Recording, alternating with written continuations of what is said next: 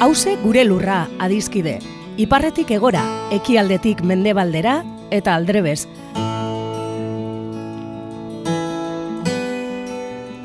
Lurra bakarra dugu edo gaituen lur bakarra da hause. Eta zaintzak dan hori dagokigunez, hemen horretaz egingo dugu berba.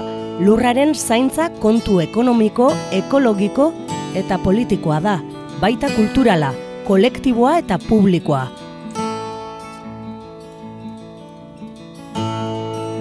Ekopol taldeko Iñaki Bartenak eta Josu Larrinagak hause gure lurraren zaintzak dituen ataka eta kontu importantei buruz hitz egingo digute. Lurrosoaren erasoak ezin garaitu zezakeen hiri bat ikusi nuen ametxetan. Kaixo lagunok, berriz ere Bilbo iria irratian, hause gure lurra ekologia eta ekologismoz eh, aritzen den eh, programan. Eta betiko moduan, Josu Larrinaga, ba, ekopoleko laguna, eta gaur eh, Josu eh, zein da zure gaia. Bueno, Iñaki, ba, orain dela gutxi egin genuen e, basoak bizi behar du deitzen deitu zen e, irratsaio bat eta gaur galdera batekin gatoz e, baso borroka, herri borroka alda. Esplikatzen naiz, orain dela jadanik urte batzuk egin genuen beste irratsaio bat eko sabotaiari buruz eta horre kontatzen nuenik e, ba behin e, atzeteren kontrako manifa batean e, Durangon entzun dituela gazte batzuk esanez e, mendi borroka herri borroka da, eta esaten nuen nik, hombre, baso borroka ikusten nuela ni politago, jatorrago, ez dakit, ezta, baina, bueno, e, jardun genuen e, animatzen ditut entzuleak e, berriro entzutera irratzaio hura, ze oso nik hau prestatzeko entzun nuen justo atzo, eta oso debate mamitxo euki genuen e, eko sabotaia, sabotaia, eko terrorismo ere askotan e, indar mediatikoek eta indar sistemikoek erabiltzen dutela, zer gerta ziteken e, Euskal Herrian gaur egungo egoeran e, alako, bueno, ezagutu egin ditugu, hainbat e, e, borroketan e, sabotaiak eta alako kontuak, ez da, eta luze jardun genuen horri buruz e, ezagutzen, ezagunak dira ere mundu mailan eta horri buruz ere jardun genuen, baina hori nik orain azpimarratu nahi nuke azken e, azken asteotan e, egon diren zenbat borroka disruptiboak edo, norm, edo nolabait hori ba, sistemak e, ezartzen dituen e, neurrietatik e, kanpo izaten direnak eta inzuzen ere aurreko basoak bizi behar du erratzai horre, horretan aipatu genituen zenbat arazoekin e, lotuta daudenak, ezta?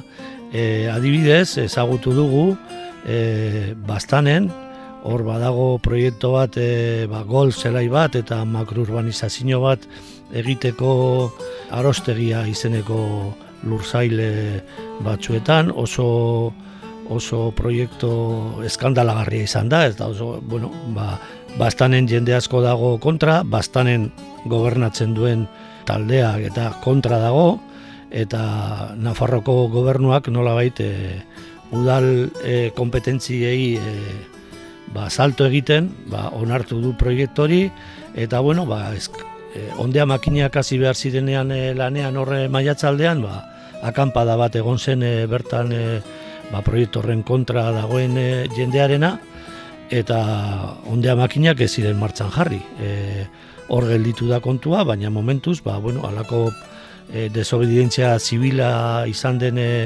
protesta batean, ez da, baketsua, eta zera, bakarrik jendea euren gorputxak eta zea jarri zituen e, hor, eta ba, ondea makinak gobernatu behar zituzten langilek, ba, joan egin ziren, e, segurazki jabeek e, aginduta, ez da. Gainera, kurioso izan da, ze protesta horren bozera mailea, kurioso ez, baina dinot logikoa, baina ba, emakumeak izan dira, horrek ekartzen du gogora adibidez e, e, orain dela ja urte asko, ez da, Euromisilen kontrako akampada bat egon zen e, e, Inglaterran e, Grijan Komunen e, hain zuzen bakarrik emakumeek e, egin zutena, nola baita e, zukinak ni baino beto goratuko duzu hori. Gainera, e, bueno, bosor egon da desobedientzia zibila disruptiboa, ezta? Eta, bueno, ba, momentuz e, proiektua gelditu dute. Aipatzen genuen ere, e, azken e, urteotan, e, basoetan, bas, e, landaketetan gertatzen ari dena, pinu landaketak e, botatzen ari direla eta eukalitoa jartzen ari direla leku askotan Bizkaian, Gipuzkoan e, eta Araba kantauri partean, ezta? Eta horrek e, suposatzen duen e, arazo ekologiko eta eraso ekologiko e, haundia, e, eukalitoak oso kaltegarria dira gaur egungo gure e, zerako, gure ekosistemetan, zikatzen dute, e, zute arriskoa e, bidarkatzen dute, eta bueno, sortu da ere plataforma berri bat e, Gipuzkoa eta Bizkaiako jendearen artean, eta aurkezpena egin zuten orain dela gutxi ere diman, eta aurkezpen horretan e, eukalito batzuk e, bota zituzten, kendu zituzten e, lurretik ez da, hori erabateko, esan nahi dut, bueno, ba, prinsipioz, ez da legala, ezagutzen nuen nik kasu baten non e, karrantzako abeltzainek e, pinu landak eta e, baten kontra protestatzagatik e, pinuak ere kendu zituztenean gero zera delito ekologikoa leporatu zieten ez da, baina hor dago ere borroka maldeari, e, eukalitoen landaketen kasuan askotan jabeak, lur jabe horiek iritarrak dira, askotan e, iaia ez dakiten on dauden e, lur hoiek, baina ba, bertan bizi den jendearen txat, eta ekosistemaren txat orokorrean oso kaltegarria dira, eta bueno, hor dago ere legitimotasun bat, danontzako oso kaltegarria izan daiteken e, jarduera pribatu bat, e, pribatu horren e, kontra, ez da? Eta egon dira ere, kuriosoa da, e, telebistan, teleberri batean ikusi nuen, ez da asko atera prensan, baina horre arabako lautadan eta dauden proiektu eolikoen e, e, oso oso azmentetan daude proiektu eoliko horiek, baina oso erraldoia dira eta badago ere e, bertan e, nahiko aurkaritza zabala. Eta e, e, niri hori kurioso irutu zitzaidan e, teleberri batean, e, telebista ofizialean esan zutela sabotaiak egon direla e, ba hor neurketak eta aurretiazko lanak edo ikerketak egiten ari direnen ba, zenbait e, ba, makina edo elementuen kontra, ezta? Kaso horretan segurazki e, gehiago jarriko da hor indarrean e, bertako populazio lokalaren e, e, euren bizimoduan segitzeko aukera, igual ez da egongo oso diskurso ekologista fuertea atzetik, baina ekosabotaiak e, egon dira, oraindik eh, pilpilean ez dagoen gai batean edo ondino nolabait jendea mediatikoan ez dagoen gai batean, baina nolabait hortik ikus daiteke zer gerta da e, zer gerta daiteken e, geroko baten, ezta? Eta orduan, bueno, pues hor dago ere bildur hori, ba, eta bildur hori mundu osoan zehar gertatzen da halako ekintza jadanik sabotaiak direnak Monki Brentzen esaten dut ingeles ez novela bati zera, ezabiren novela bati aipu eginez, ba, alako praktikak, e, alako ekintzak daudenean, ba, oso erraza da ekoterrorismo hitza erabiltzea, baina hor ez dago inorentzako kontrako izu egiterik, hor bakarri dago gauzen kontrako violentzia minimo eta neurtu bat, baina egia da, e, nola baiteko violentzia erabiltzen danean, ere beti dagola neurriaren eta eta kontu etikoen e, parametroak, ezta? Eta ere badago aldagai bat importantea eta da horrek eukiko duen isla mediatikoa edo nola gobernatu edo nola kontrolatu e, maila mediatikoan e, gertatuko dena. Ezta guzti horri e, egin beharko dio aurre segurazki euskal ekologismoan egongo diren hainbat e, ekintza edo jarduera e, ala moduzkoak, ezta? Eta orduan ba bueno, interesgarria iruditzen zait horri buruz e, berriro nolabaiteko buelta bat e, ematea. Ez da, adibidez, e, lengo basoak e, bizi behar du irratzai horretan aipatzen genuen beste problema bat edo beste kontu ekologiko bat e, aralargo aralarko pista edo baso bideen e, polemika ez da horre badaude badago populazio lokal bat ganaderoena batez be eta basoa, baso bideak eh, egin nahi dituena eta badaude ba, nola bait e, e, biologian adituak, mendizaleak eta mugimendu ekologistak e, horren demazia eta egiten duten ondamendia salatzen dutenak, ezta?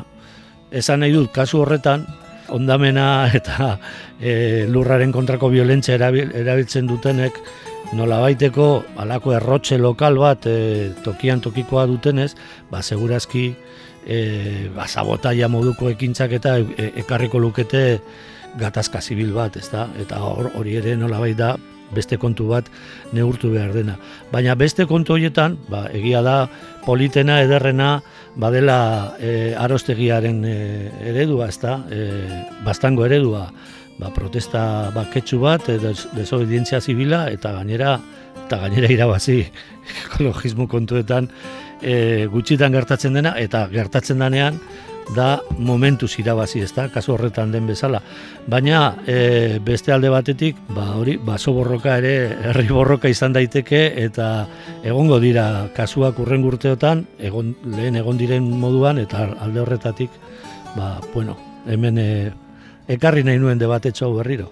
Bai, ba, debate guztiz e, egokia, nire ustez, e, duela gutxi, uste dut hemen e, Bebai komentatu genuen, ez? Andreas Mal, hori e, Suediako ekosozialista horrek, bere azkenengo liburuan, e, bueno, planteatzen du, nola saboteatu e, petrolio odi bat, petrolioaren e, ekonomia, nola baite, ba, oztopatzeko, eta bar, ez? Horre, horrek ekolininismoaren e, bidetik, ba, olako planteamenduak egiten ditu, eta hor, bueno, sortzen den debatea da, beti, bueno, violentziaren erabilera, ez? Eta Euskal Herrian estigma horrekin ibili gara azkenengo berroketa marrutetan, ez? Orduan, e, ze kalteak egiten diren, nik uste dut ez dala berdina. E, zuk esan duzun bezala kalteak, baldin badira kalte materialak, adibidez, ba, eto kalte ekonomikoa, baina ez badira kalte pertsonen kontrako kalteak, ez? Edo bizitza arriskoan ipinten dara, ez? Gero bebai, e, hori, zuk esan duzuna, desobedientzia zibilaren parametroetan mugitzen diren horiek eta batez ere bere gorputzarekin, bere buruarekin, bere pertsonarekin, e, agertzen direnak, ez? E, asumitzen eta jakinda instituzio politikoen aldetik eta instituzio penalen aldetik zigorrak etorriko direla e, isunak eta atxilotzeak eta olako gauzak euren kontra bai hori asumituta dute, ez? Orduan hor dago beste gauza importante bat eta da mugimendu hauek disrupzio horiek e, markatzen dituztenak ze loturak dituzten e, tokian tokiko bueno, gizarte zibilean, hau da euren euren ba, babesean, e, ze babesa. Hori, ez dakit, kasurik argiena daukago hemen insumisioarekin, ez? Insumisioa guztiz legezkan pokoa zan, baina, bueno, hemengo, hemengo komunikabideak, horren aldekoa ziren eh, ez danak, baina, bueno, asko, instituzio politikoetan, bebai, fraktura ematen zan, eta e, alkate asko, eta, eta, ustakit, eh, jende asko atea zan horren alde, eta gertu gizarte zibila oroar horren defentzan zegoen, ez? Orduan, bueno, horrela lortu zan, lortu zana, ez? Hau da, zerbitzu militarra desegitea. Des, Ba, bueno, egia da, momentu hontan, non instituzio politikoetatik dana da naturaren alde, dana da ekologiaren alde, dana da sustengarritasunaren alde, baina gero, errealidadean, etengabe ikusten dugu, erasoak zuk aipatu dituzu, ez? Baso gintzan, edo teremu naturalak dauden lekuetan, ba, urbanizazioa, golf, zelaiak, azpiegiturak eta bar, horren aurrean badakigu, e, ateako direla, ateratzen ari dira, e, zibileko ba, estrategiak, ez? Eta nire ustez, e, bueno, estrategia guztiak ez dira berdinak, aktoreak ez dira berdinak. Gero ipatu duzu gauza importante bat, eta da e, komunikabideak. Gaur egun, bueno, ba, burruka handia dago, komunikabide, komunikabide handi horiek, mainstream horiek, bueno, importantea dira, oso egoera asimetriko da, baina gaur egun sare sozialak direla eta beste komunikabideak jendea arrotu egiten dute bai eta jendea, bueno, mobilizatu egiten da, ez? E, medio alternatibo hien bitartez ere bai, ez? Orduan hor daukagu egoera bat, nire ustez oso oso interesantea, e, ba, aztertzeko eta ikusteko, ez? Eta zergaitik leku batzutan mm, ez dago beste irten biderik, hori da, gelditzen e, zaien bide bakarra nolabait ekologistei, edo emakumei, edo, edo gaztei, Baina gero, bueno, ba, jakin behar dugu, ze aliantzak edo ze motako babesak lortzen dituzun instituzio politikoetatik eta estadutik edo interes enpresarietatik datozen erantzun bortitzak geldiarazteko, ez? Hor, nire ustez hori ezinbesteko eztabaida da, zeren hori dator bai ala bai. Eta ikusten ari gara leku guztietan, eta batzutan, ba ikusten dugu, ez? E, Euskal Herriko e, toki guztietan, e, dauden burruka ekologistetan, nola, bai, e, jendeak ez du ikusten, e, ez dakit, errauskailuen e, e, jokamoldeak, baina legalak dira. Eta legalak direnez, eta, eta esaten dut hori, eta berdin, planteatzen diren e, azpiegitura erraldoiak, planteatzen diren urbanizazio berriak, eta bar, eta bar, edo, edo, edo dukaditu zen landaketak, eta bar, orduan, horren aurrean, e, disrupzio eta desobedientzia zibila zilegi da, nire ustez, mm, dik esaten duten moduan, nire ustez, iaia bide bakarra da. Ez dakit ze, ze uste duzuzuk, baina nire ustez, mm, e, dagoen, bide judizialak eta elegiteak eta mobilizazioak eta manifestaldiak eta bar, bai, baina bestalde batetik batzutan ba, ondea makinak geldiarazteko dagoen modu bakarra da zure gorputza erabiltzea eta eta eta horren aurrean paratzea. Bai, adibidez hori, aipatzen ari garen e, adibidez bastango kasuan, e, proiektori legala da, baina egia da ere legalidadea nolabait e, nahiko egokitu dutela botere hori Nafarrako gobernutik, e, bertako boteren gainetik pasatuz eta bueno, incluso orain dela gutxi irakurtzen duen e, bastango alkatearekiko entrevista bat eta esaten zuen Claro, hor egin dute halako aktuazio unitate bat, e, irigintzan erabiltzen den e, zera bat, eta orduan hor inkluso daude herri lurrak, e, badaude beste jabego pribatuko e, lurrak, baina at, e, aktuazioekin e, unitate horren e, gainean e, gehiengoa duen e, jabea da e, gol zelaiko jabea ez da, eta orduan inkluso berak esaten zuen, inkluso hemen privatizatu egin, egin da lur e, publiko batzuen erabilera, horiek daukaten e, e, gehiengo horren gatik. Ez da, orduan kasu horretan, argi dau legalidadea dagoela, besta, dagoela alde batetik eta legitimotasuna beste alde batetik, eta orduan hor erabat legitimotzat nik uste dut hartu izan dela, inkluso mediatikoki ere, ba, jende horren ekintza disruptiboa, ez da?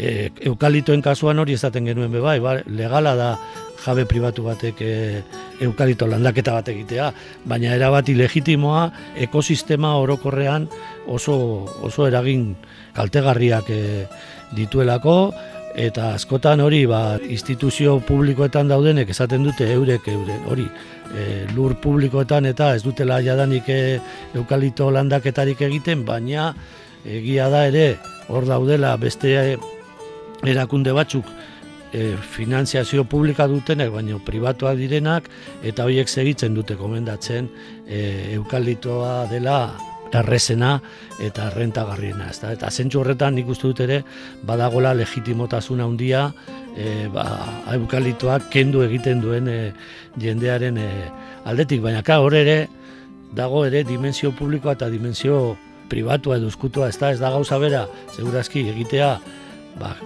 eukalito gitxi batzuk kentzea e, prensaren aurrean, beste gunean diman egin zen e, moduan, ekintza simboliko moduan, eta beste gauza bada, ba, bueno, ba, zure inguruan baldin badago eukalito landak eta berri bat, ba, joateago batez, eta tipitapa, tipitapa, ba, zera kendu, ez da?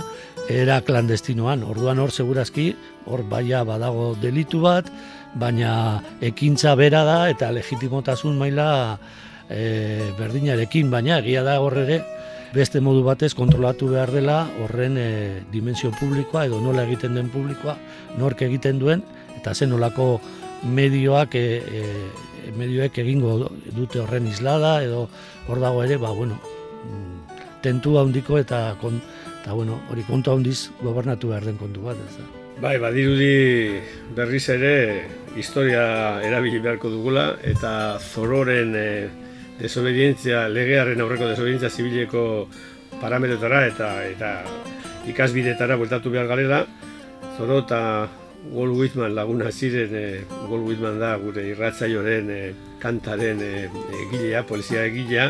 Ze kanta ekarri diguzu gaur programa hau e, ba, bukatzeko? Ba, justo orain e, audienz, Gernikako taldeak atera du disko berri bat e, tolesturak deitzen dena, eta hor dago kanta bat Mendaro Fighters, e, Mendaroko violinistari e, eskainia, eta kontu kurioso da, ez da hor Mendaron, badago gizon bat e, bizidena autobidearen ah, bai, bai, kontra. Bai, bai, bai, askotan agurtzen du, bai, bai badakit Eta bueno, berak egiten du bere protesta, bere, bere desobedientzia zibil e, nahiko bitxia, ez da, ba, hor baditu eskultura jarrita, pankartak, eta batxutan dago bera biolina jotzen, edo badago, edo bat, bere performanceak egiten, edo nola ez da, nahiko ezaguna e, e, egin da, baina, inoiz, e, hortik pasatzen garen, justo ikusten da bere zera, bere movida guztia autobidetik, orduan hortik pasatzen zara toda hostia, kotxez edo autobusez, eta ikusten duzu hortipo bat, eta badakizu protesta egiten duela, berak nahi ditu, bentsat panel batzu jartzea autobidekoek e, bere etxea zaratatik babesteko, baina jasotzen duen bakarra dira izunak, antza, diputazioa jarritako izunak, e, trafikoa e, trabatxagatik edo distrakzioak sortzagatik, baina zikira audientzekoek bakanta bat egin diote. Hor dago, desobedientzia zibila eta protesta bat, oso oso e, emankortasun gutxi daukana, ma abitu beste alde batetik maila simbolikoan eta lortu du e, arrakasta gizona, orduan, bueno.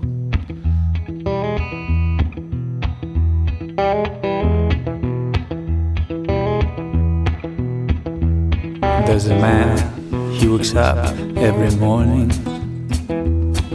No matter if it's sunny or it rains.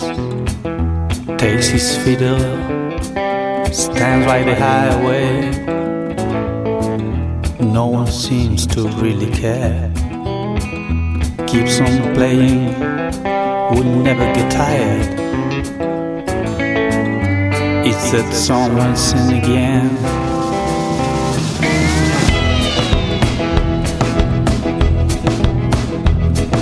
The driver seemed to start to really like him. How they say hello and wave. There are some who just see a threat. Stood determined against our plan. Why that feeder and why that song? It's the last of the Mohicans.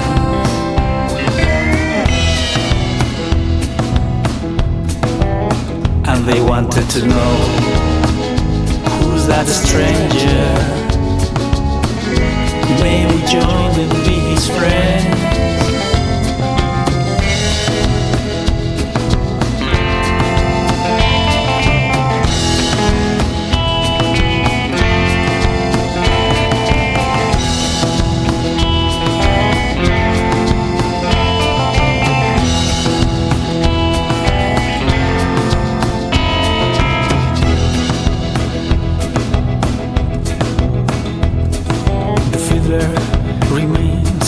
Position. Regardless of what people recommend, is he the lost cause or just his convictions? No one seems to really care, but he keeps on rocking his seat for a free world. He's the last of the Mohicans.